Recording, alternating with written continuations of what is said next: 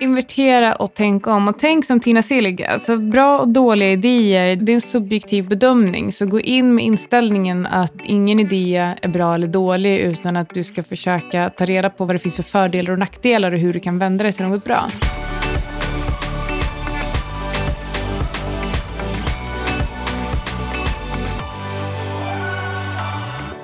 Hej förresten. Hej Anna, du lyssnar på Outsiders. Och vi spelar in Outsiders på min lediga dag och klockan är eh, 22.07. Det gick bra för mig idag. Jag förstår inte alls vad du menar med en ledig dag, men å andra sidan så vet inte du vad jag menar med Columbus-spagaten. Jag vet faktiskt det, men kan inte du berätta vad du menar? Det är när man har en fot på varje kontinent, när man eh, diversifierar sig geografiskt och, och, och eh, hamnar snett. Och hamnar snett. Och det är faktiskt geografisk diversifiering vi ska prata om idag. Och eh, vi upptäckte en lite rolig sak när vi gjorde lite, eh, vi skulle leta lite case, lite bra geografiska case till idag. Och eh, eftersom att vi nu pratar om eh, hur man ska hitta marknader på andra ställen än Sverige och USA, så tyckte vi att ja, men, vi åker till Kina och så tittar vi på Shenzhen-börsen. Eh, och om man tittar på eh, Shenzhens utveckling de senaste fem åren så ser det väldigt likt eh, ut eh, som bitcoin. Coincidence? I think not. Det slog mig verkligen när jag såg den här grafen hur eh, lik den var bitcoin, inte på fem år utan på ett år. Så den här spiken upp till 20 000 och sen rejält ner, en ganska bra uppstuds och så lite, lite darr på vägen och sen den här kollapsen precis här på slutet då från 6 500 ner till under 5 000. De, de såg fantastiskt lika ut. Och jag tänker att det beror på att det här är tillgångar som bara styrs av grupppsykologi, girighet och rädsla och väldigt lite fundamenta. Ja, det tror jag väl med. Så att både Kina och bitcoin är spekulativt med andra ord. Ja, det är spekulativa spekulanter som spekulerar med sina känslor. Oj, oj, oj, känslor, känslor. Men den här veckan är vi sponsrade av Trine och eh, det passar ju eh, väldigt bra då, eftersom vi, vi faktiskt pratar om geografisk diversifiering. Så om man vill eh, exponera sig mot Afrika men kanske inte deläga bolag så kan man ju faktiskt investera i något av deras lån. Och om du uppger outsiders så får du 10 euro i rabatt vid din första investering. Och vi har faktiskt snackat ihop oss med Chris som är CFO på Trine och eh, han kommer i slutet att berätta om hur eh, Trine kategoriserar sina lån i olika riskklasser. Innan vi fortsätter så vill vi också berätta att vår osynliga tredje man Alexander Marton som vanligt står för ljudbehandlingen. Vi ska alltså prata om geografisk diversifiering och hur man hittar andra attraktiva marknader kanske än eh, Sverige. Och ja, Anna, det handlar bara om aktier. Men jag får i alla fall nämna ordet inflation sen, så att eh, det känns helt okej ändå. Och, mm, makrotenten i dig får sitt. Du älskar mig. Jo, det finns, eh, det finns en eh, professor i psykologi som heter Tina Sillig och hon pratar om bra kontra dåliga idéer. Eh, och det finns inga bra och det finns inga dåliga idéer. All, den bedömningen är subjektiv och det här går faktiskt att överföra på investeringar. Så det du gör är att du ska lista bra och dåliga marknader. Så det finns, vi har några geografiska case med oss. och det jag menar med är så här, vilken marknad skulle du påstå är optimal att investera i nu? Eh, skulle kunna vara tjänsten som handlar handlas ned över 50 procent från toppen. Det låter ju skitdåligt. Eller, eh, eller Venezuela kanske. Eh, men USA då, som har låg arbetslöshet, ekonomin går så pass bra att man höjer räntan. Det måste vara ett gott tecken. Det liksom måste vara precis rätt läge att köpa USA nu. Mm, och Sverige låter ju precis likadant låg arbetslöshet, hög sysselsättningsgrad, superlåg ränta så man kan låna hur mycket som helst. Det här är ju toppen. Det är precis vad det är också. Det är toppen. Doesn't get much better than this. Literally man kan säga så här, de senaste tio åren så har både Sverige och USA varit de, bland de absolut bästa ställena att eh, investera i. Och det beror ju bland annat på att det såg så dåligt ut för tio år sedan. Så eh, säger inte det här någonting om att det är hög arbetslöshet man ska titta på till exempel, eller rasande börskurser? Jo, det vi är ute efter är att fånga så mycket knivar som möjligt. Nej, jag ska bara. För det första så måste man komma ihåg att börsen eh, har en typ av omvänd Lindy-effekt. Om börsen har gått superbra i tio år, då ska du inte anta att den kommer gå jättebra i tio år till. Kan du bara berätta vad Lindy-effekt är? Lindy-effekt är eh, egentligen, ponera att, eh, att det finns ett bolag som har överlevt i 20 år, då skulle man kunna anta att bolaget kommer att överleva i 20 år till. Nu har vi använt Facebook i hur många år? Sedan typ 2002, eller vad det nu kan vara. Och då skulle man kunna anta att eh, Facebook kommer finnas kvar i så många år till framöver. Så ju längre någonting har existerat, desto längre, ungefär på lika lång tid framöver kan man anta att det ska existera. Ja, precis. Produkter, kan, tjänster och så vidare. Ja, precis, med någon viss sannolikhet som ingen av oss kommer ihåg nu. Men har det funnits i tio år så kanske det är 50 procent sannolikhet att det finns tio år till. Precis. Det är liksom saker och ting byggs in i system och vanor. Och, det är det och stabiliseras efter tid. Lindy-effekt, just det. Så, så det vi är inne på det är att man faktiskt kanske ska titta efter, och, och jag vill förklara varför först. För att vi vill vill ju hela tiden hitta case som har potentiell tillväxt. Och det gäller också hela marknader. Så om vi, har, om vi går in i en marknad som har superhög sysselsättningsgrad, jättelåg arbetslöshet, då finns det inte så jättemycket ytterligare personer du kan sätta i sysselsättning. Eh, vilket också innebär att vinsterna kanske är ungefär så höga som de faktiskt potentiellt kan vara. Och då vill vi inte köpa just där och då, utan då vill vi ju leta någonstans där arbetslösheten är hög så att den kan bli lägre under tiden som du ligger inne i den marknaden. Kanske även inflationen, valutan kan vara kraftigt ner eh, och eh, det finns ju en, en marknad som heter Venezuela som har varit lite i ropet för att de har haft lite problem med sin penningpolitik. Ja, och det är inte självklart att man ska investera i Venezuela absolut eller inte. Zimbabwe eller någonting liknande. Men tänk ut där du absolut inte vill investera i alla fall och börja leta där och se om du hittar någonting intressant. Vem vet, du kanske hittar ett försäkringsbolag på P2. Ja, och just det, det jag skulle säga var ju om Tina Seelig som pratade om att idéer, bedömningen av idéer är subjektiv. Hon gjorde då ett experiment med sina studenter och det var här jag skulle berätta egentligen innan. Att eh, hon lät sina studenter skriva ner den absoluta, de fem bästa restaurangidéerna som de kunde komma på och de fem absolut sämsta.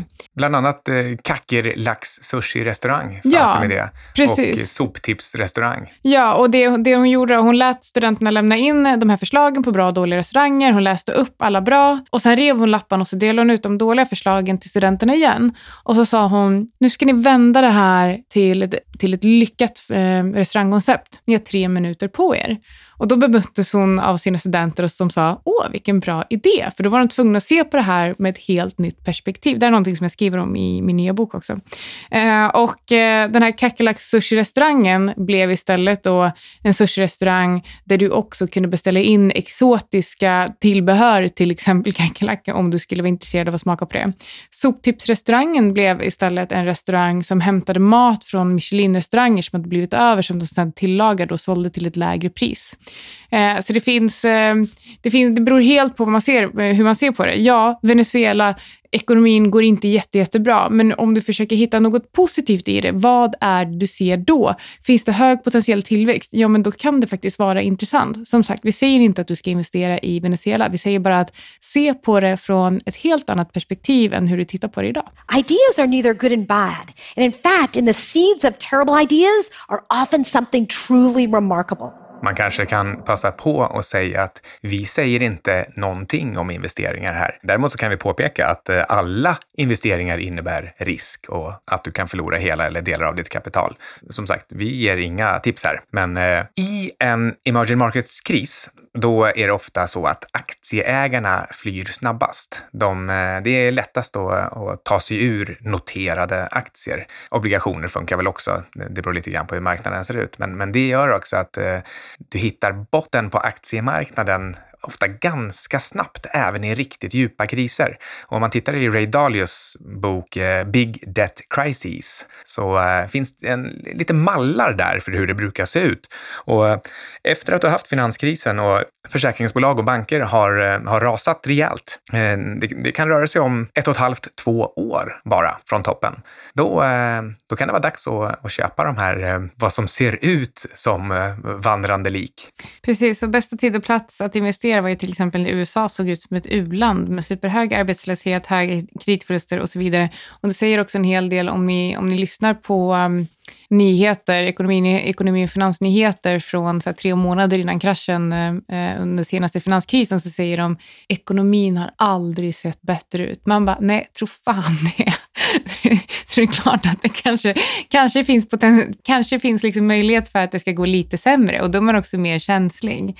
Eh, men om man tittar på emerging markets, i vilken, i vilken ordning ska man egentligen investera i? Ja, alltså ett eh, tips här, det är att eh, gå in på Gapminder-sidan. Googla Gapminder, det är Hans Rosling och hans Factfulness-bok och mycket research bakom den som ligger bakom den här sidan.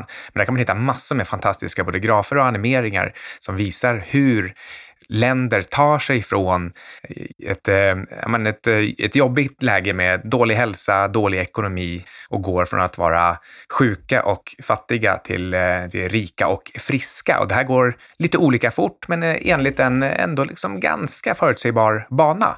Och då kan du hitta de bolagen som är motsvarigheten till Sverige på 60-talet och, och liknande. Så kolla in de där graferna så kanske du kan få inspiration för om du ska titta på Ghana eller Zimbabwe eller vilka länder det är som, som just nu ser ut att kunna göra den resan som vi har gjort de senaste 20, 30, 40 åren. Men du gjorde en spaning när vi var i Sri Lanka. Jag vill bara flika in en sak först innan, du, innan jag går in på det. Använd Gapminder för att sortera fram marknader som du ska analysera, precis som när du sorterar med hjälp av nyckeltal. Just det, sorteringen är inte en analys. Nej, så där kan du hitta ett urval sen, som du sen går in och analyserar djupare.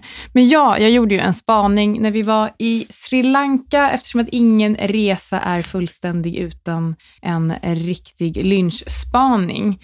Så vi befann oss alltså i eh, Colombo i tio dagar, staden som det är mer mer smoggen syre i.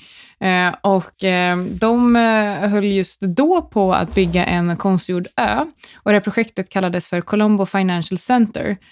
Och det handlade alltså om att bygga ett nytt finanscenter i Colombo. Först och främst kanske man ska säga att hela, hela Colombo var ju alltså ganska segregerad, skulle man kunna säga. Det fanns vissa jättefina områden, men det var mycket, mycket slum också. Precis, och det här var ett ganska nedgånget ställe och, och det här projektet som du pratar om, det var ett sånt där reclaim the land eller något, Reclaim ja. the Sea, alltså de, de bygger en konstgjord ö, lite Exakt. så som man gör utanför Dubai. Precis, eh, och den här, eh, den här ön då, som skulle fungera som ett finanscentrum skulle väntas ge över 83 000 olika jobb i olika sektorer när den står färdig. Så då hade vi liksom inte ens räknat med de här arbetstillfällena som skapas i samband med själva byggandet. Och eh, om man ganska enkelt, alltså väldigt, väldigt förenklat ska eh, kolla på vilken ordning man kan titta på olika sektorer i ett land eh, under tillväxt, så skulle man börja alltså med banker, pratade vi om. Eh, för att om du ska kunna bygga någonting överhuvudtaget så, måste, så krävs det monetära medel, alltså pengar. Och eh, banker krävs i alla länder och det handlar ju också om så här, lån till privatpersoner, företag och det handlar om att de ska kunna bygga bostäder, kontor och butiker. Eh, och när vi har de här pengarna då, så kan vi börja bygga. Så då är byggsektorn intressant. Och eh, det är först efter det som vi kan titta på alldagligvaror och eh, efter det tittar vi också på sällanköpsvaror och tjänster. Så först börjar man med de här basala behoven. Eh, pengar, bygg, eh, mat, husrum och sen så börjar folk eh, titta efter lyxvaror. Man skulle kunna jämföra det här med någon form av Maslows behovstrappa. Ja, det tycker jag är alldeles utmärkt. Så Gapminder och Maslow. Men kom ihåg att eh, se upp med att, eh, att eh, bolagen du tittar på också är eh, de lokala aktier och, och, lokala bolag som finns där, så att det inte är något multinationellt företag som, som har hand om eh, just de här byggena och andra, annan infrastruktur som du ser på plats. Precis, och här gjorde vi ju faktiskt en spaning i Sri Lanka, för vi kollade vad det stod på de här kranarna och mycket vad, vad det stod på lastbilen och så vidare. Och det var alltså kinesiska byggbolag. Så eh, det hade ju varit väldigt, väldigt lätt att, eh, att vara, vara på plats och så tänka att aha, jag ska köpa, nu är det dags att köpa byggsektor och då gå och köpa lankesiska byggbolag för att sen så inse att eh, de fick, inga, de fick inga jobb alls för att Kina hade tagit över lankesiska marknaden fullständigt. Det hade varit ett väldigt bra exempel på en riktigt bristfällig eh, analys faktiskt. Så titta på vem som levererar de här olika lösningarna som de håller på att bygga just då. Vi såg ju en lite udda grej också. Det kör runt massa tuk-tuks, alltså här, typ mopeder med ett litet skal runt som Exakt. fungerar som taxi. Vi noterade också att Uber var extremt billigt. Man, man åkte en typisk resa för 1,50. Ja, Uber var faktiskt billigare än tuk-tuk och då slapp man faktiskt också dö av avgaser. Men i de här tuk-tukarna, då var det så att de hade baksätena dekorerade med något särskilt artwork och det var tydligen ett, ett särskilt lokalt företag som eh, gjorde de här. Jag kommer faktiskt inte ihåg vilket typ av bolag det var, för jag vet att du du och jag lade märke till att det var så himla roligt med all den här så kallade konsten tills vår vän som vi var där och hälsade på konstaterade att ah, nej, men så är det här. Och det säljs alltså till de här tuk-tukarna. Tuk-tukarna i sig tror jag eh, producerades nog i ett annat land. Det är en typ av vespor. Ja, och det kan vara intressant att fundera över vem tillverkar tuk-tukarna? Vem utför maintenance? Finns det någon verkstadskedja?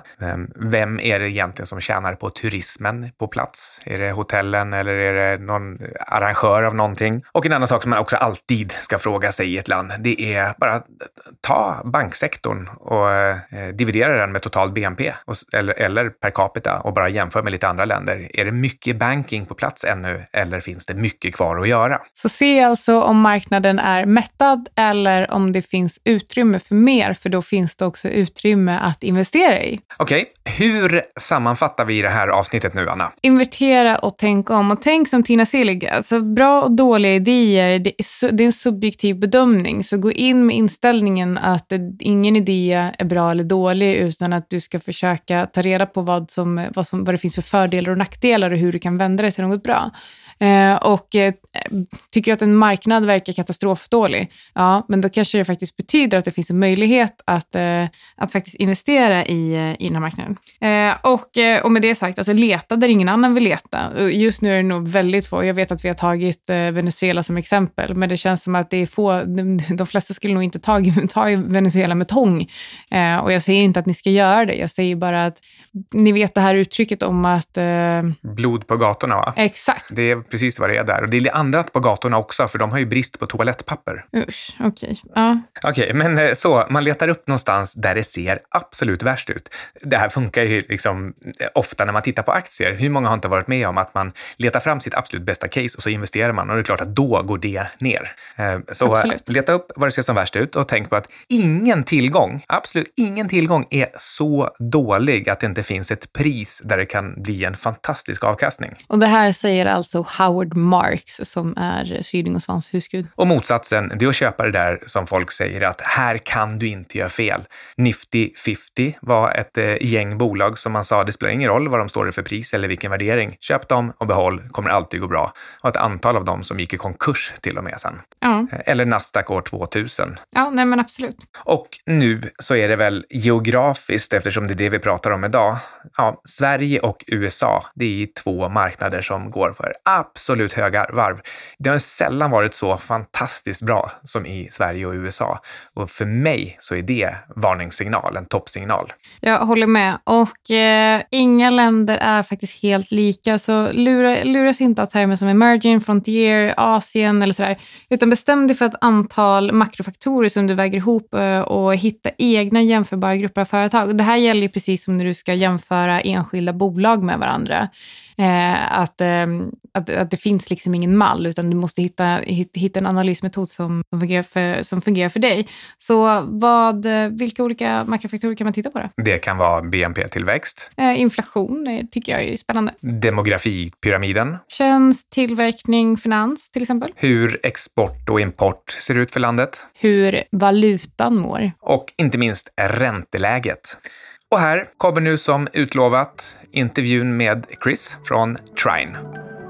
Ja, nu har vi alltså Kristoffer från eh, Trine med oss. Hej! Hej, hej. Jag har en fråga om hur er riskbedömningsprocess ser ut. Hur avgör ni vilken riskklass de olika lånen ska ingå i? Jo, eh, vi kikar ju då, man kan dela in det i två olika delar där vi kikar på en kvantitativ del som man då går igenom deras eh, ekonomi och man kikar på deras portfölj. Eh, Vi tittar väldigt mycket på just kundportföljen som de har. Det är, det är väldigt viktigt i, i bedömningen. Eh, Så det är ena sidan som är, som är väldigt, som det är siffror och data helt enkelt från bolaget. Och sen är den andra delen som är mer eh, baserad på eh, alltså relationen. Vi besöker bolaget, vi tar referenser.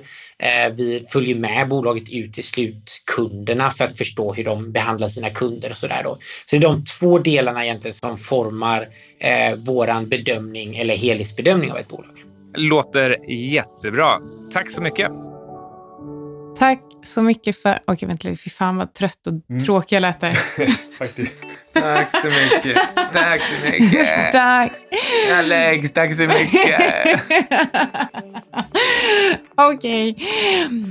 Tack för att ni har lyssnat. Jag är på bättre humör än vad jag låter. Jag är bara väldigt, väldigt trött efter att jag har jobbat så mycket under min lediga dag. Gnäll, gnäll, gnäll. Och du har lyssnat på Outsiders.